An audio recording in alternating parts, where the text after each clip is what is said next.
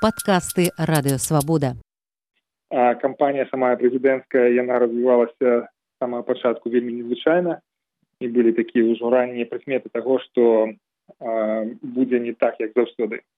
маючы на увазе энтузіазм людзей як яны рэагавалі на, на, на кандыдатаў не толькі беларусі а нават і за мяжой было заўважна што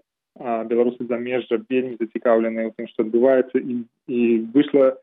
першыя шэрагі вельмі шмат людзей якія ну, можна сказать ніколі не былі такімі палітычна актыўнымі ва всякім разе публічна.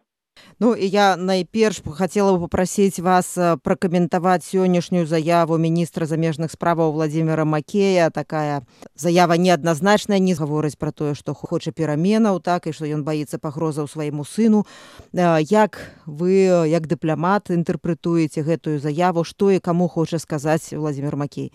Ну выглядае на тое што ён хоча працягваць захоўваць імідж а, такога ліберальнага міністра а, які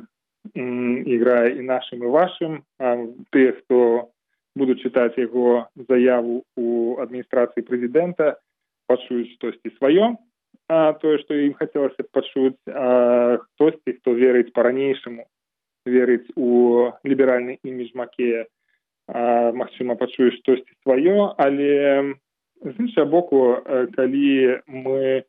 глядзім на гэтую заяву як не дыпламата а грамадзяніна то канешне яна вельмі слабая. Ён не гаворыць пра важнае а пра фальсіфікацыі на выбарах якія вельмі відавочныя былі. Ён не гаворыць пра гвалт супраць людзей абсолютно незаконны. І гэта атмасфера беззаконня якую мы назіраем асабліва пасля адразу пасля выбараў у наступныя дні яна яна будзе мець свой шкодны эфект для сваёй краіны і ў міжнародным кантэксце таксама таму як грамадзяніна гэта заява вельмі слабая. Як чыноўніка безадказная тое што ён робіць выгляд што нічога не адбылася ці ён гаворыць пра тое што час на змены і мы які які раней ён падкрэслівае што все не адбываецца вельмі хутка так змены патрэбныя але трэба набрацца цярпення. Што гэта азначае і чаму Беларусь павінна чакаць яшчэ калі ўжо двадцать шесть гадоў лукашенко ва ўладзе і, і все змены якія адбываюцца за гэты час гэта змены да пагаршэння сітуацыі з дэмакратыяй з правамі чалавека. Гэта звужэнне гэтай прасторы для свабоды гэта выцісканне людзей з беларусі тых людзей якія маюць альтэрнатыўны погляд на альтэрнатыўныя погляды ўвогуле таму я я расчараваны гэтай заявай можа ён як дыпламат думае што такой замутненай такой вадзяністай заявай ён дасягае некага некай дасканаласці можа гэта так. Але як грамадзянін як дзяржаўны служачы як чалавек які служыць сваёй краіне расчароўвае. Это безадказна Што цяпер з вашага досведу адбываецца у дыпламатычным асяроддзі у сярод супрацоўнікаў міністэрства замежных справаў ёсць ужо гучная адстаўка ляшчэнні ёсць яшчэ некалькі адставак. Вы заклікалі супрацоўнікаў мзс выказаць сваю нязгоду з тым што адбываецца ў краіне. Што паводле вашых былых каналаў што паводле вашых крыніцаў там адбываецца і наколькі магчымыя яшчэ адстаўкі вельмі цяжка казаць пра пра нейкую атмасферу у мзс мзс такая дастаткова установа закрытая у кансэнсе што яна маналітная людзі але там працуюць і не вельмі выказваюцца па па тым што яны думаюць можна зразумець што далёка не ўсе пагаджаюцца з палітыкай беларускага ўраду і не толькі у гэтыя дні так было заўсёды. У у мзф заўсёды было дастаткова вольнадумства. Людзі маюць альтэрнатыўны погляд на гэтыя падзеі. У людзей выдатная адукацыя мзф это такі такая канцэнтраваная інтэлектуальная энергія у беларусі дзе ў людзей шмат міжнароднага досведу выдатная адукацыя досыць дэмакратычныя ліберальныя погляды прынцыпе. Вось. І многім хацелася каб нейкія такія змены рэалізоўваліся у беларусі так было заўсёды так было і пять гадоў і десять і двадцать гадоў таму назад. Таксама дыпламаты выступалі за такія змены Вось што што да сённяшніх э, падзей мы бачым што ўжо адбылося некалькі вельмі гучных адставак э, гэта і ляшчэнне гэта і Андрей бушыла які займаў такую стратэгічную пазіцыю у мзс і вельмі шмат прыклаўся да таго каб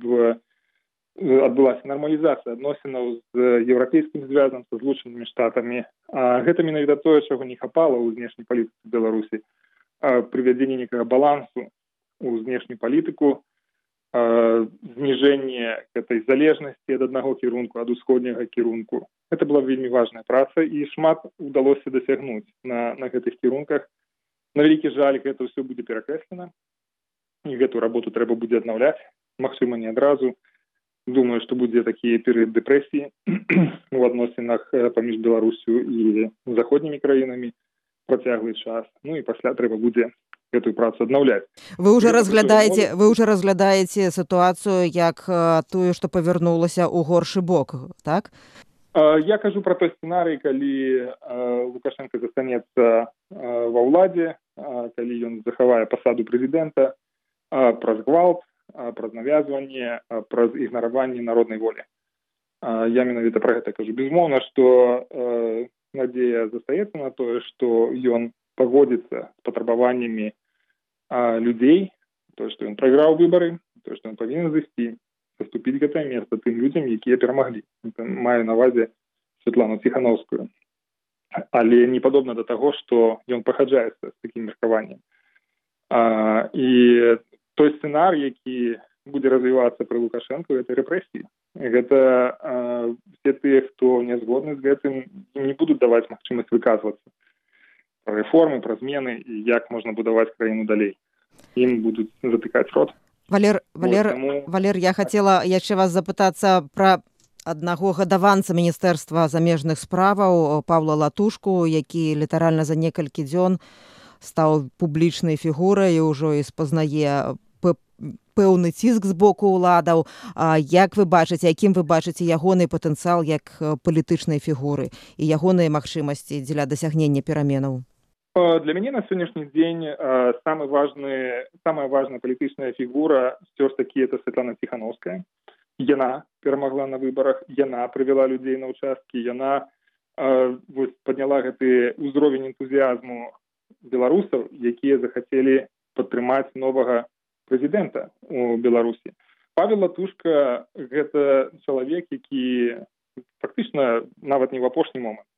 а ўжо постфактум выйшаў з шэрагаў бюракратаў далучыўся да гэтай кампаніі. І зараз тое што ён павінен думаць не пра сваё палітычнае будучае а ён павінен думаць пра тое як як умацаваць пазіцыі светланы ціхановскай як дапамагчы ёй на гэтым этапе як дапамагчы зрабіць прыйсці да правільных рашэнняў пра тое што трэба рабіць далей як трэба як дамагацца пералому гэтай сітуацыі каб лукашенко пагадзіўся з тым што ён прайграў на гэтых выбарах. Гэта пра тое што варта думаць палыч латушку на на гэтым этапе Я хацела яшчэ запытаць пра санкцыі рашэння пра прыняцце якіх было прынятае учора на экстрэнным саміце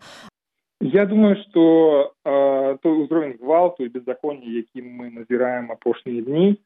э, пасля выбараў і той узровень цынізму пры фальсіфікацыях выбараў, конечно, не пакідае выбару для, для заходніх краін, якія ўжо заяўляюць пра намер э, увесці новыя санкцыі і што такія санкцыі будуць будуць і персанальныя санкцыі, але будзе момант, калі могуць перайсці і да эканамічных санкцый гэта асабліва на, на гэтым этапе фактычна прыслухаліся да да заклікаў штабу не штабу ціхановскай не уводзіць эканамічныя санкцыі якія безумоўна будуць несці шкоду для для беларусаў абмежавацца персанальнымі санкцыямі але калі зноў жа сітуацыя пойдзе па сцэнару таму што лукашенко адмаўляецца прызнаць сваё паражэнне то а, і краіна пойдзе по гэтай спіралі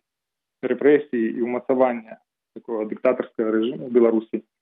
то будзе рэакцыя яна будзе досыць абвостранай я думаю что дойдзе дойдзе чарга і да эканамічных санкцый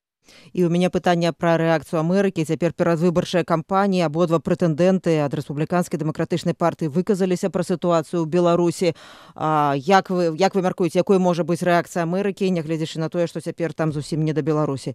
заўсёды існаваў паміж рэспубліканцамі дэмакратамі існаваў кансэнсус так і даволі даволі падобны погляд на тое што адбываецца ў беларусі прырода лукаш рэжыма лукашэнкі ацэнка яго палітык яго дзеянняў вось таму няма сумневу што рэакцыя будзе заставацца такой досыць прынцыповай гавалер вы цяпер жывеце стала ў амерыцы працуеце ў міжнароднай арганізацыі ці думаеце вы пра тое каб ізноў працаваць як дыпламат для беларусі у беларускім мзс калі пры якіх умовах вы знаете гэта было б загонар для мяне працаваць на беларускую дзяржаву калі адбудуцца змены калі гэта будзе дэмакратычная ўлада якая будзе менавіта дбаць пра нацыянальны інтарэс беларусі я я задавальненне вярнуўся ў беларусь і пачаў бы такую працу.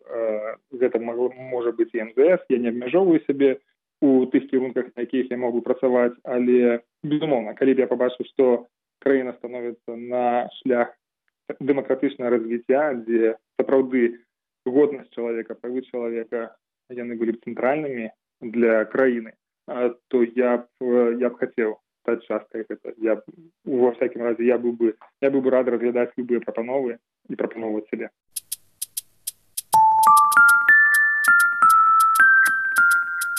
подкасты радыёвабода